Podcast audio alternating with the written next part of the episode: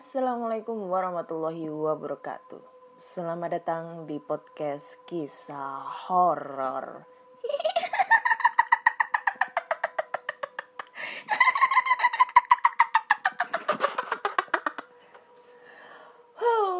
Masih berjumpa lagi dengan Ana di sini yang akan membacakan cerita horor ataupun email berhantu yang sudah dikirimkan teman-teman melalui podcast kisah horor at gmail.com ataupun di DM Instagram podcast kisah horor dan DM Instagram Ana Olive. Uh, aku udah satu minggu lebih ya kayaknya ya. Terakhir aku posting itu kapan ya? Ya pokoknya hampir satu mingguan gak pernah update cerita terbaru. Kemarin itu lagi sibuk banget. Sibuk banget, liburan. Wih liburan cuy. Iyalah kemarin tuh aku liburan ke Malang sama temen-temen Sama ke kemarin juga abis dari Makassar gitu ya. Apel, biasa apel, apel. Jadi tuh banyak banget yang email aku ataupun nge-DM aku untuk nanyain episode terbaru kapan? Belum ada episode terbaru ya. Eh, kapan nih update cerita terbaru? Kapan nih ceritaku dibacain anjay? Aku nggak tahu banget kalau peminatnya podcast kisah horor itu sebanyak itu ya. Aduh, antusias banget aku. Aku sangat terima kasih banyak sebanyak-banyaknya lah kepada teman-teman horor yang udah ngedengerin podcast kisah horor ya. Tanpa kalian itu eh, aku nggak bakalan se apa ya nggak bakalan semangat sesemangat ini untuk ngebacain cerita-cerita dari teman-teman semua ya. Woi, anjay. Oke, kali ini aku akan membacakan cerita-cerita horor ya seperti biasa kiriman dari teman-teman ya. Banyak banget kiriman yang dari DM ataupun dari email dan mari kita mulai baca satu per satu. Oke, dimulai dari DM Instagram karena DM ini banyak banget ya, belum aku bacain. Ntar DM DM.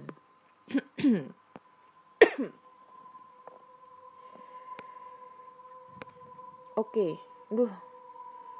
Instagramku jarang upload ya, ntar lah upload-upload lagi ya. Oke, langsung aja kita bacakan cerita pertama. Cerita pertama datang dari DM Instagram ya. Hmm.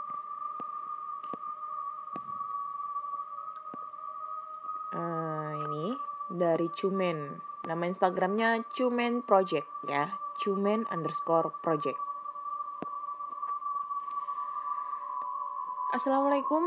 Halo Kak Ana. Halo juga. Nama saya Cumen. Saya berasal dari kota Sukabumi, Jawa Barat. Aku ingin membagikan cerita hororku kepada Kak Ana dan teman-teman yang lain. Saya bekerja di sebuah coffee shop dan kebetulan rumah saya sangat dekat dengan tempat kerja saya. Jadi saya tahu persis sebelum menjadi tempat coffee shop, bangunan itu rumah serem berpenghuni tetap berpenghuni, tetapi selalu gelap saat tengah malam dan selalu tak lama saat ada yang menyewa tempat itu. Di tempat ini banyak sekali kejadian janggal yang saya dan teman saya alami, yang bernama Aldo dan Citra.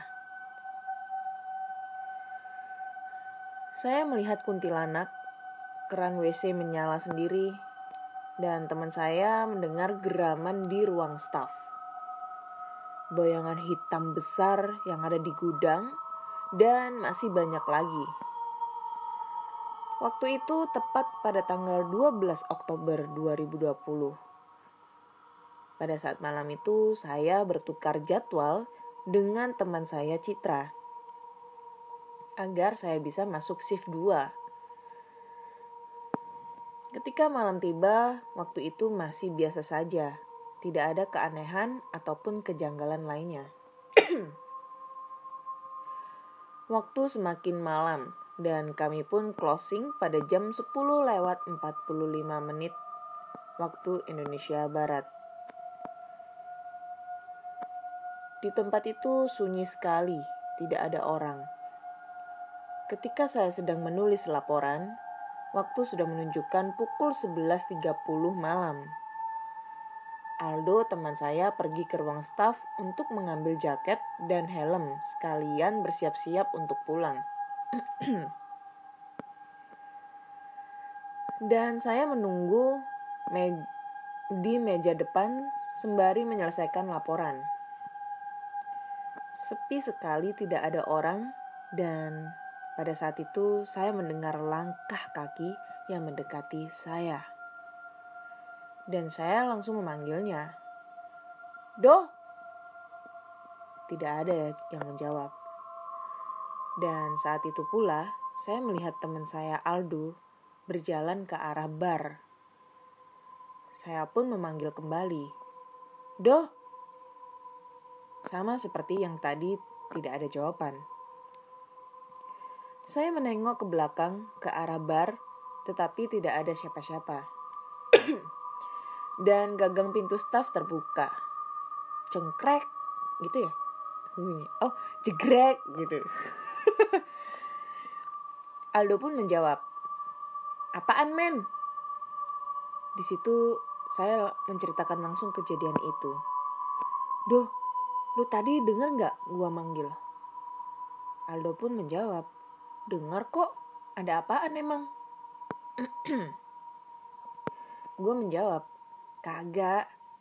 Tadi gue mendengar langkah kaki. Terus gue lihat lu jalan ke arah bar. Gue panggil, gak ada yang jawab. Eh, pas lihat ke bar, gak ada siapa-siapa. Aldo pun terdiam dan tersenyum. Di situ laporan sudah selesai dan teman saya Aldo pun langsung menyuruh kita pulang. Ayo men, cepetan.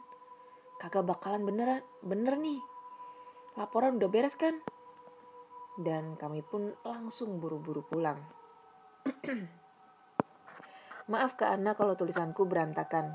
Nanti di lain waktu aku ceritakan lagi kejadian aneh di tempat kerjaku. Terima kasih Kak Ana, sehat selalu. Assalamualaikum. Waalaikumsalam warahmatullahi wabarakatuh. Thank you ya cuman buat ceritanya nih ya, cerita di opening kali ini. Lumayan sih ya, karena emang sih sebenarnya kalau kita kerja kerja pas kebagian sampai malam apa pun sampai tengah malam atau sampai tengah malam itu serem banget sumpah.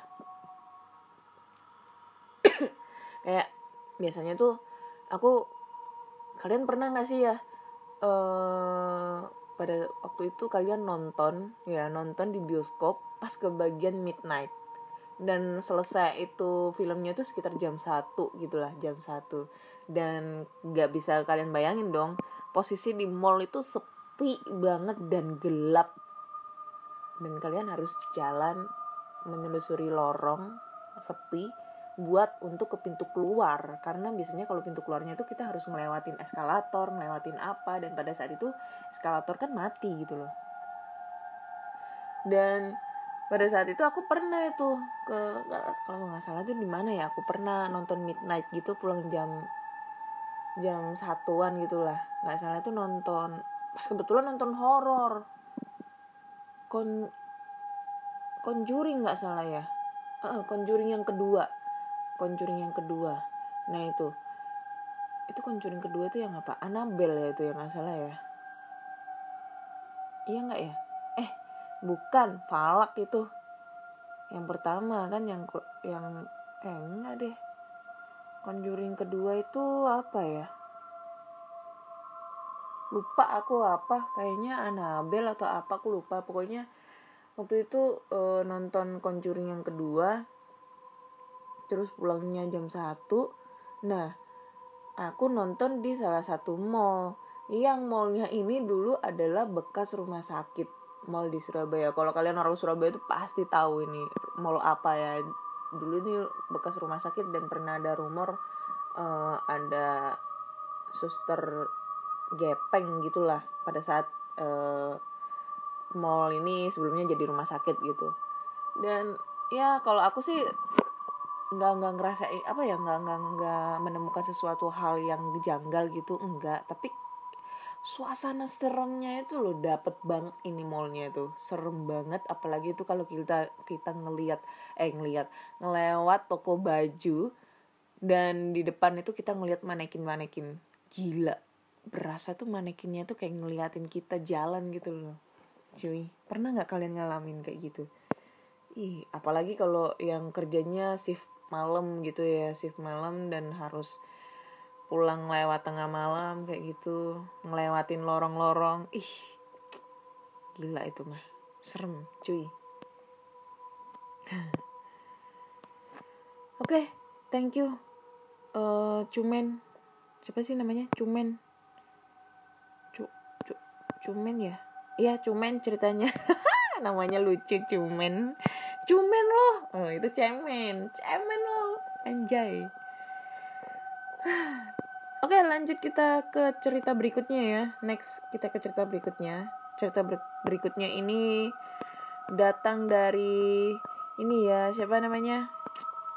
Anwar Moiza lagi. Ya itu ya Anwar Moiza yang dulu yang dia kerja di salah satu uh, stasiun televisi swasta ya yang yang dia pernah syuting acara uji nyali. Oh aku tahu sekarang apa itu acara uji nyali? Merinding. Ya bukan. Merinding. Gila. Kalau aku sih nggak merinding. Merinding. Karena aku ada pernah kejadian itu.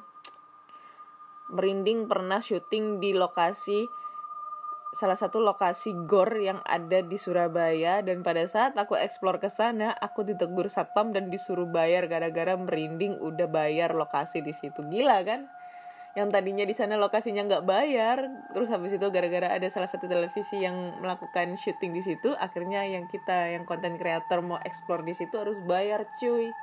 Tapi aku bisa masuk dengan cara diam-diam membongkar itu gemboknya ah ilegal banget gue oke lanjut ke cerita kedua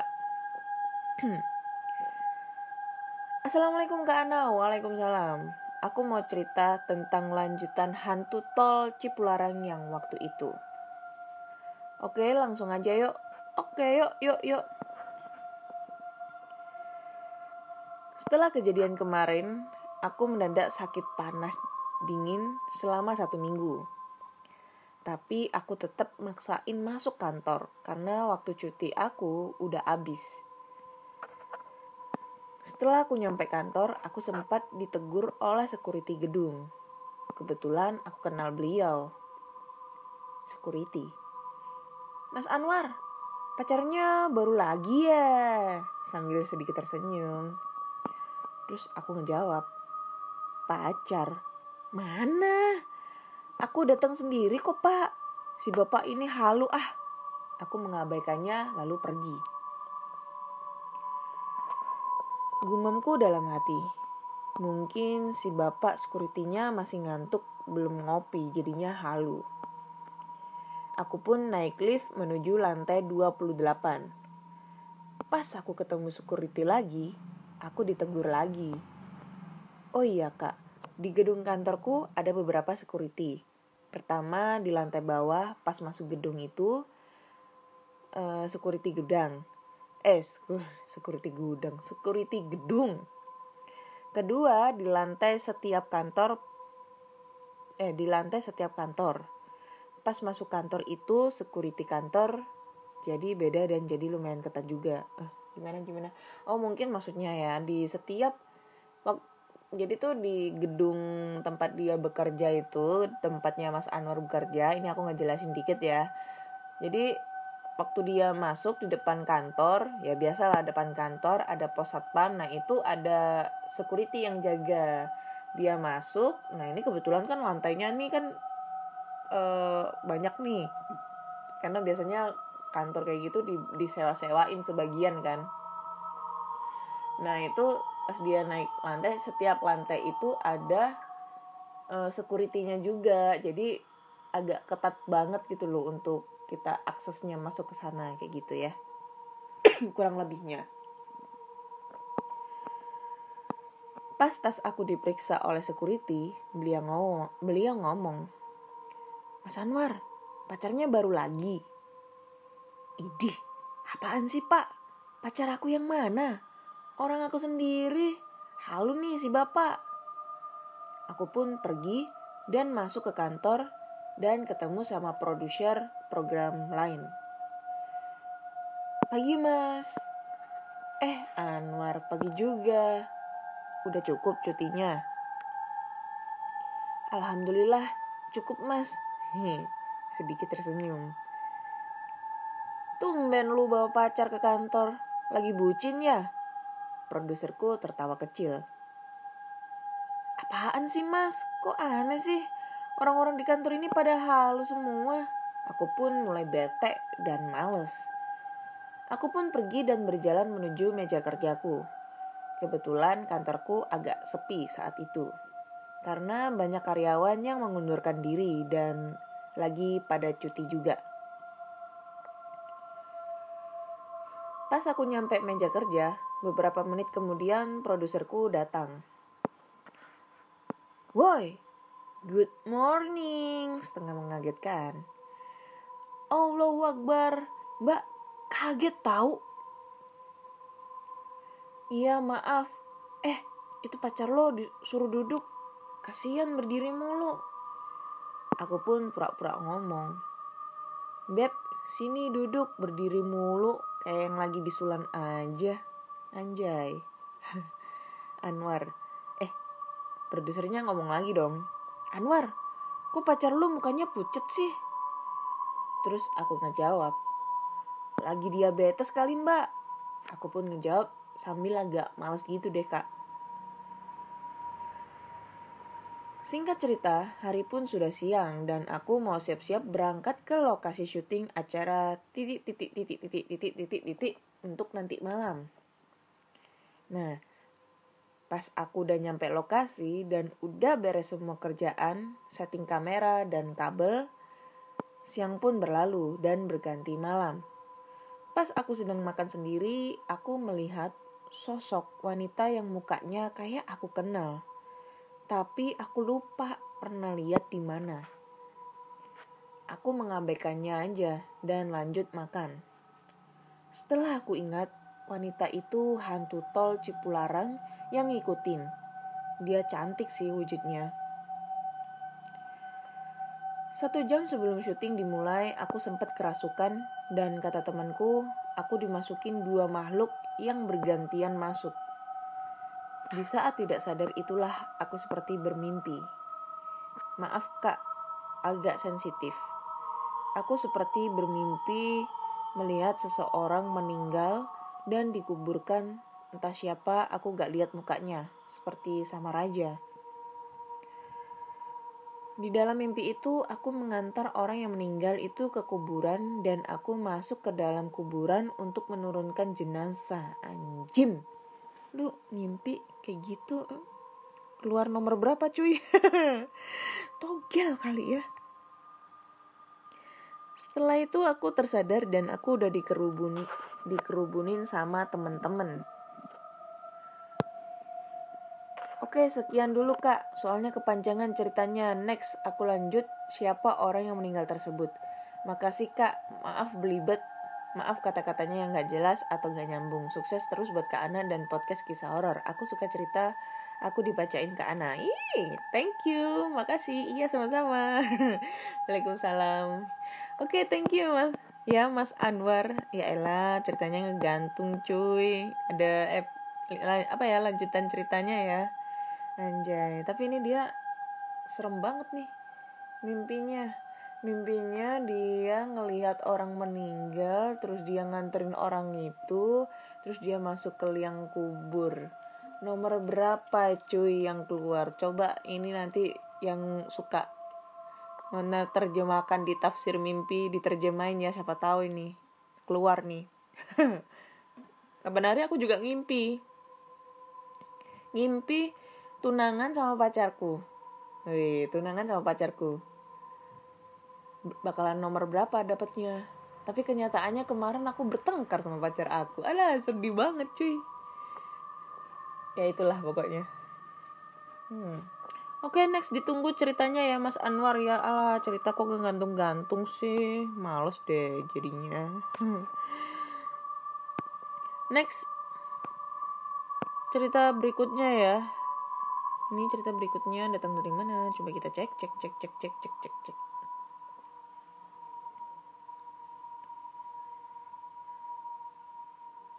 Oke. Ini cerita datang dari email ya.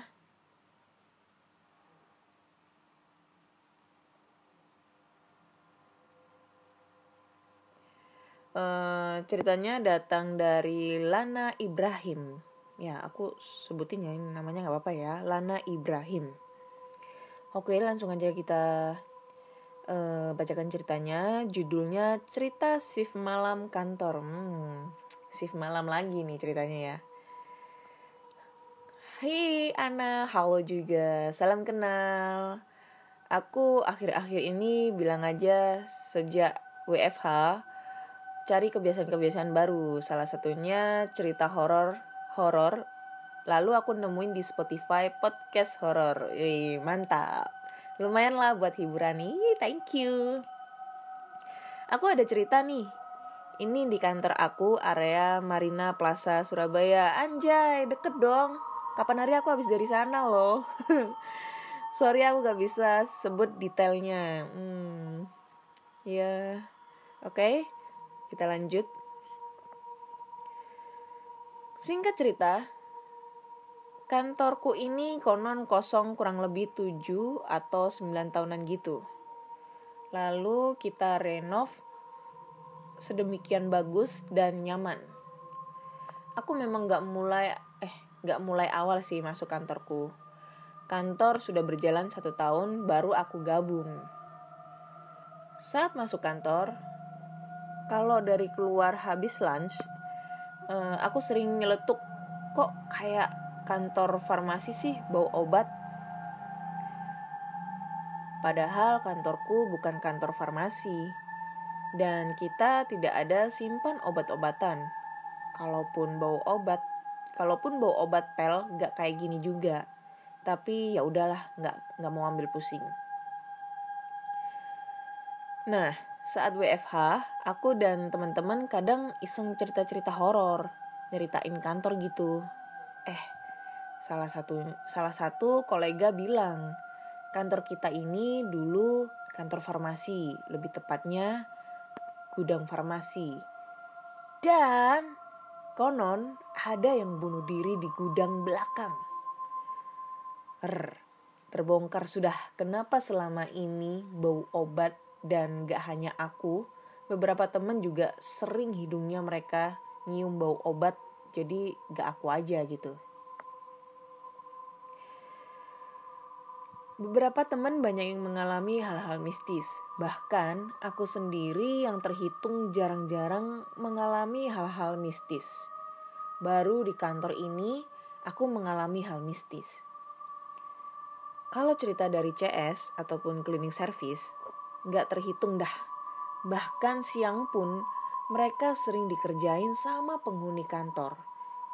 Ada yang kayak melihat dari salah satu uh, orang di ruang meeting secara tiba-tiba. Wush, si setan itu langsung aja di depan mukanya CS. CS pun lari ke bawah dan oh iya, kantor kita ada dua lantai. CS. CS sama OB itu apa sih bedanya? Saya sendiri yang jarang mengalami hal mistis pun kena juga. Yang nurut aku paling serem buat aku yakni suatu hari masih siang nih, masih banyak staf kerja. Perutku sakit karena haid dan gak kuat dan gak kuat, sudah pengen rebahan. Nah, di kantor kita ada salah satu ruangan untuk nursery, tapi saat itu dipakai simpen kursi jadi agak numpuk. Tapi ada sofa yang bisa aku buat rebahan ya biasanya kalau cewek lagi datang bulan itu eh sumpah. Rasanya itu nano-nano nggak kuat berasa kayak ditusuk-tusuk pakai pisau garpu. Eh garpu pisau garpu pakai garpu. Kalian yang cowok mah nggak pernah ngerasain. Cewek mah setiap bulan kayak gitu. Cowok mah satu kali sakitnya sunat doang. Ya nggak? Kalau cewek tiap bulan sakit uh, haid datang bulan kram perut. Ada lagi nanti kalau udah jadi ibu-ibu melahirkan tuh sakitnya minta tuh apa ya? Aku nggak pernah ngerasain belum pernah ngerasain ngelahirin sih belum nikah. Tapi ya gitu katanya sakit banget. Makanya kalian yang cowok itu jangan suka nyakitin perasaan cewek ya. Karena kalian tuh nggak tahu perjuangannya uh, cewek buat ngelahirin buat apa pun itulah itu susah banget gitu loh bertaruh dengan nyawa gitu ya. Jadi hargain ibumu. Eh kok jadi curhat ini jadinya ya? Oke lanjut. Aku rebahan sambil pegangin perutku yang sakit. Sambil merem tapi nggak tidur tidur amat tapi aku merasa kayak ada sesuatu di atas kepalaku. Kayak orang. Orang buka jendela gitu yang pas di atas kepalaku. Saking sakitnya aku cuekin dan aku gak peduli. Lalu gak selang lama aku kayak tindihan gitu. Dan karena aku biasa tindihan dan aku meronta sekuat mungkin harus membuka mataku cepat sambil baca-baca surat Al-Quran dan ayat kursi sebelum aku bisa buka mataku kayak ada yang masuk ke kuping eh gimana gimana? Aku kayak tindihan gitu dan karena aku udah biasa ketindihan aku aku meronta sekuat mungkin. Karena harus membuka mataku cepat membuka mataku dengan cepat sambil baca-baca surat Al-Quran dan ayat kursi. Sebelum aku bisa buka mataku, kayak ada yang masuk ke kupingku, semakin dalam. Lalu sesuatu ini manggil nama aku. Anjir. Dan logat suaranya itu kayak orang tua gitu, serak-serak. Aku meronta, tapi nggak teriak, teman-teman pada nyamperin. Lalu aku berhasil buka mata dan mencoba menenangkan diri. Aku keluar sambil nyeret kaki. Aku kalau takut gitu gak bisa gerakin kaki. Jadi jalan nyeret dengan tenang. Aku buka pintu ruangan yang aku kunci, lalu keluar seperti tidak terjadi apa-apa dan menuju ke meja kerjaku. Wah, lega. Lalu aku cerita ke teman-teman teman-teman pada saat kejadian itu. E, kedua sih sebenarnya yang paling horor buatku selama kerja di sana. Ya, maksudnya oh, oh teman-teman. Itu kejadian kedua sih sebenarnya yang paling horor buatku selama kerja di sana. Nah, ada kejadian yang pertama. Waktu itu, aku kerja sampai malam di lantai dua, dan kebetulan sendiri. Namun masih ada eh, kadang beberapa staff naik untuk ambil barang lalu turun lagi. Waktu itu jam 8 malam, sekitar itu deh. Aku masih kerja. Tiba-tiba suasana kok berubah gak enak aku cuek. Malah aku masih teleponan sama orang hotel. Pas aku teleponan sama orang hotel, itu mataku tertuju pada ruang meeting yang pas ada di depan pandanganku. Karena ruang meeting itu kaca ah, apa? Karena ruang meeting itu kaca, antara sadar Gak sadar, aku kayak ngeliat asap gitu dalam ruangan itu. Terus tiba-tiba, aku kayak gak ngomong gitu, kayak orang stroke. Sampai aku gebrak meja agar aku dapat fokus bicara ke orang hotel yang masih nyambung. dan aku akhiri. Mas, sorry, aku sambung besok pagi ya. Aku harus pulang, aku sendirian di kantor. Langsung aku tutup tanpa aku shutdown laptop.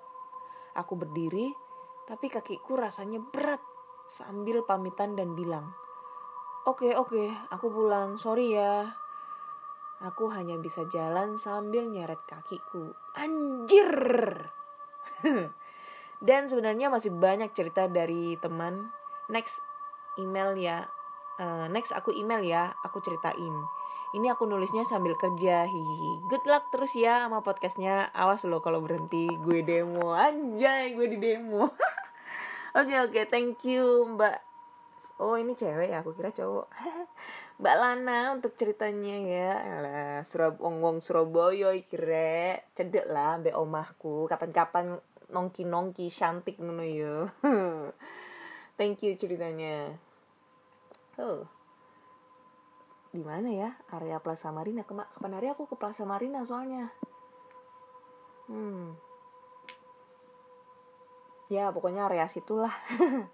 Enggak tahu soalnya di area-area situ tuh banyak banget eh, ruko-ruko gitu kan, tempat tempat-tempat office gitu, perkantoran ya, ruko-ruko perkantoran gitulah banyak banget gitu jadi ya gak bisa gak bisa tahu di sebelah mananya gitu kan tapi ya ini ceritanya lumayan ya lumayan serem